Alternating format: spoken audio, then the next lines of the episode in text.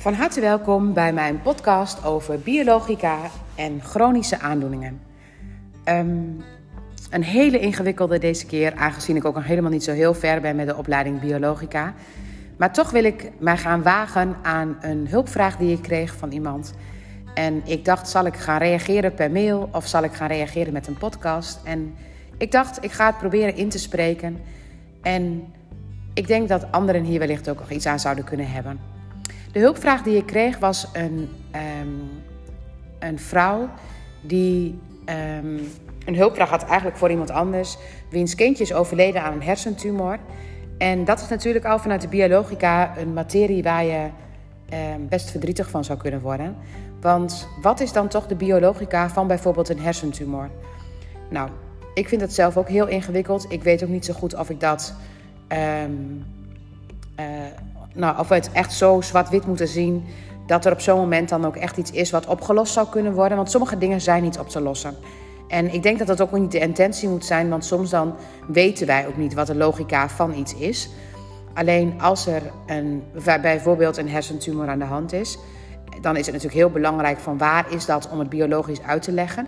Maar als een kind dat heeft, dan is het bij een kind belangrijk om te kijken van wat zit er in het systeem wat um, eventueel een soort van oorzaak zou kunnen zijn. Wat voor programma wordt er gedraaid bij dit kind, wat er ook in het familiesysteem zit. Nou, en dan bij het familiesysteem is het soms heel makkelijk dat je dan denkt van... oh ja, maar weet je, dan weet ik het al. Want zo of zo. Maar zo zwart-wit zit het nooit in elkaar. Het is altijd iets wat uh, meerdere facetten heeft. Dus het is belangrijk om te weten van... goh, wat heeft er nog meer gespeeld? Op welke leeftijd heeft het gespeeld? Bij wie in de voorgeschiedenis, in het systeem... heeft bijvoorbeeld ook iets in het in deze leeftijd um, iets gespeeld. En bijvoorbeeld gaat het over een vijfjarig kind of een. Um, bijvoorbeeld dan is het belangrijk om te kijken van goh, wat is er dan bij vijf maanden geweest? Wat is er bij vijf weken geweest? Wat is er in het systeem geweest bij iemand die vijf jaar was? Wat is hier voor systeem wat steeds herhaald wordt? Want de biologica, die um, altijd zit ergens een systeem in. Het komt nooit van niks. Dus er zit altijd een oorzaak achter. Alleen soms kom je er niet helemaal achter wat de oorzaak is. En heb je bij een kind een probleem, dus loop je bijvoorbeeld bij een kind tegen bepaalde aandoeningen aan, dan is het belangrijk om eerst te kijken in het systeem van het kind. Wat laat het kind hiermee zien? Maar hiermee spiegelt een kind vaak ook. Dus heel vaak, nou eigenlijk altijd, maar laten we zeggen bij kinderen beneden de 12 jaar is het ook belangrijk om te kijken naar aandoeningen en wat ze dan vanuit het systeem eventueel willen vertellen. Nou, wat hier nog wel uh, frappant bij was, is dat um, de moeder van wie het kindje, want het kindje is dus overleden. En de moeder kreeg op latere leeftijd MS. Of nee, kreeg MS, volgens mij ook nog wel vrij vlot daarna. En, of de diagnose MS erna. En um, wat dan belangrijk is, MS is namelijk een conflict ten aanzien van de motoriek. Dus er, er is iets waarin die persoon in vastzit. En als je naar MS kijkt, dan is dat ook steeds iets wat zich steeds weer gaat herhalen. Dus als je bijvoorbeeld een griep hebt en je maakt de griep door dan heb je daar een begin en een eindpunt in. Als je naar een chronische aandoening kijkt, en daar gaat deze podcast ook over, dan is er geen eind. Er blijft steeds maar een conflict. En dat er steeds maar een conflict blijft, dat betekent dat het eigenlijk een soort van hangend conflict is, zo noem je dat dan.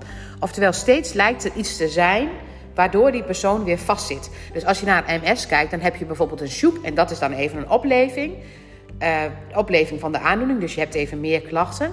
Om vervolgens een periode weer het wat beter te hebben. Om vervolgens in die periode, voordat het herstel weer volledig is geweest, om alweer een nieuwe soep te gaan hebben. Dus eigenlijk, als je naar een chronische aandoening kijkt, dan is het belangrijk om te kijken van welke aandoeningen is het. En als je naar MS kijkt, dan gaat het dus over een motorisch conflict. Dus het gaat over iets waar je vast in zit. Uh, waar je vast in zit of waar je bang bent om vast in te zitten.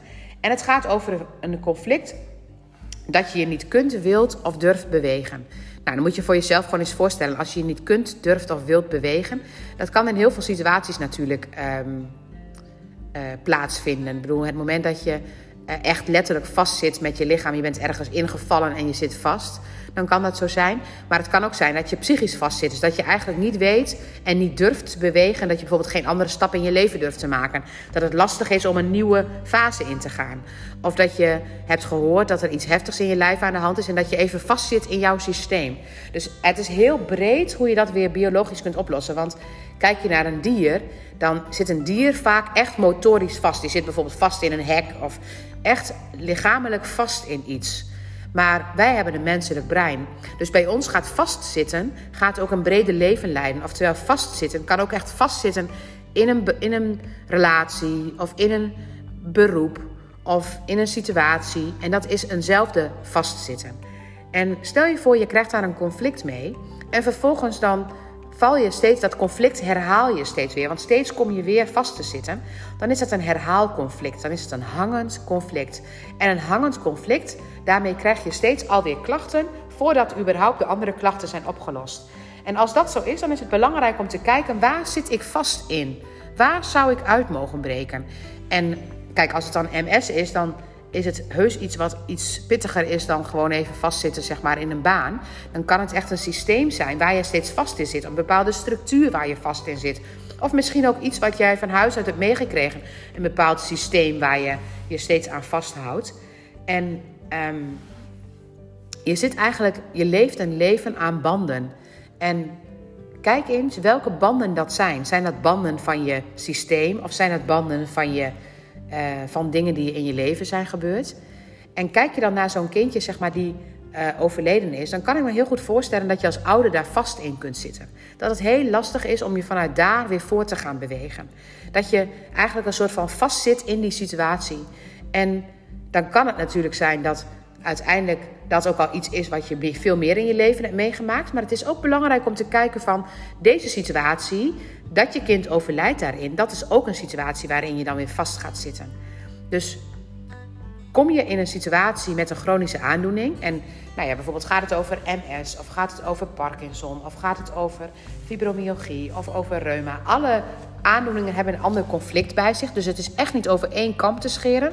Maar het is wel belangrijk om te weten welk conflict eraan vooraf gaat. Is het een motorisch conflict, een eigenwaardeconflict, een territoriumconflict? Dat zijn allemaal conflicten die in ons systeem kunnen zijn. En die kunnen ervoor zorgen dat als je steeds weer in dat conflict herhaaldelijk komt, omdat je eigenlijk dat in jouw systeem hebt of omdat je denkt dat het niet anders kan. Ik bedoel, als je naar je werk moet en je zit daar vast in, dan is dat al een herhaalconflict wat zich steeds maar weer herhaalt, waar je steeds weer in terecht gaat komen. En wat zorgt er dan voor bij jouzelf dat je daar niet uitkomt? Wat zorgt ervoor dat je steeds weer in, datzelfde, in diezelfde systeem blijft? Waarom ga je niet uit dat conflict? Wat houdt jou daarin tegen? Welke banden zit jij nog aan vast? En bevrijd je eens van deze banden. En natuurlijk, als je, ik iemand zou hebben met MS hier en ik zou, zouden samen kijken naar de MS, dan klinkt het zo heel makkelijk en dan klinkt het bijna als iets wat um, nou, je misschien zelf over jezelf hebt afgeroepen. Maar nooit, maar ook echt nooit bedoel ik dat te zeggen. Want het gaat erom dat, je, dat we allemaal onze conflicten in ons systeem hebben. Iedereen. En um, in elke familie zitten ook aandoeningen die steeds zich weer herhalen. En ik denk dan niet zozeer dat het iets in het DNA is, maar dat het iets in een conflict, conflictbeleving is. En dat we allemaal op een bepaalde manier dat doen. En hoe mooi is het als je naar jouw systeem kunt kijken. Welk conflict heb jij? Wanneer is dit conflict ontstaan? Wanneer is deze MS bijvoorbeeld gediagnosticeerd? Wanneer begonnen de eerste klachten? Op welke leeftijd? En wat zit daar voor systeem in? En als je dan weet wat het systeem is en als je weet wat de oorzaken, de start van het conflict is, dan heb je een mogelijkheid om het te gaan genezen. En of je het volledig geneest, weet je, ook dat laat ik in het midden. Want dat is niet Um, ja, tuurlijk wil je dat heel graag. Maar als je zoiets gaat doen om te zorgen dat je geneest, dan doe je het vanuit angst. Maar het zou mooi zijn als je het vanuit bewustzijn kunt doen. Dat je kunt kijken naar, ah, dit is het, dit is het systeem waar ik steeds in zit. Dit is het conflict waar ik steeds mee deal.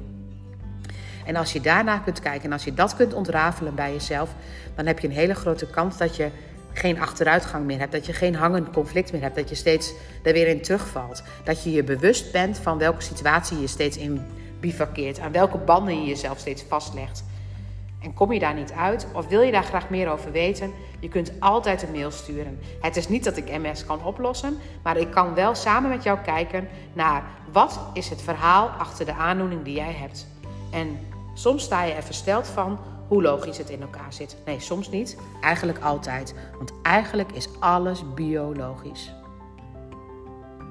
Dankjewel voor het luisteren en tot de volgende podcast.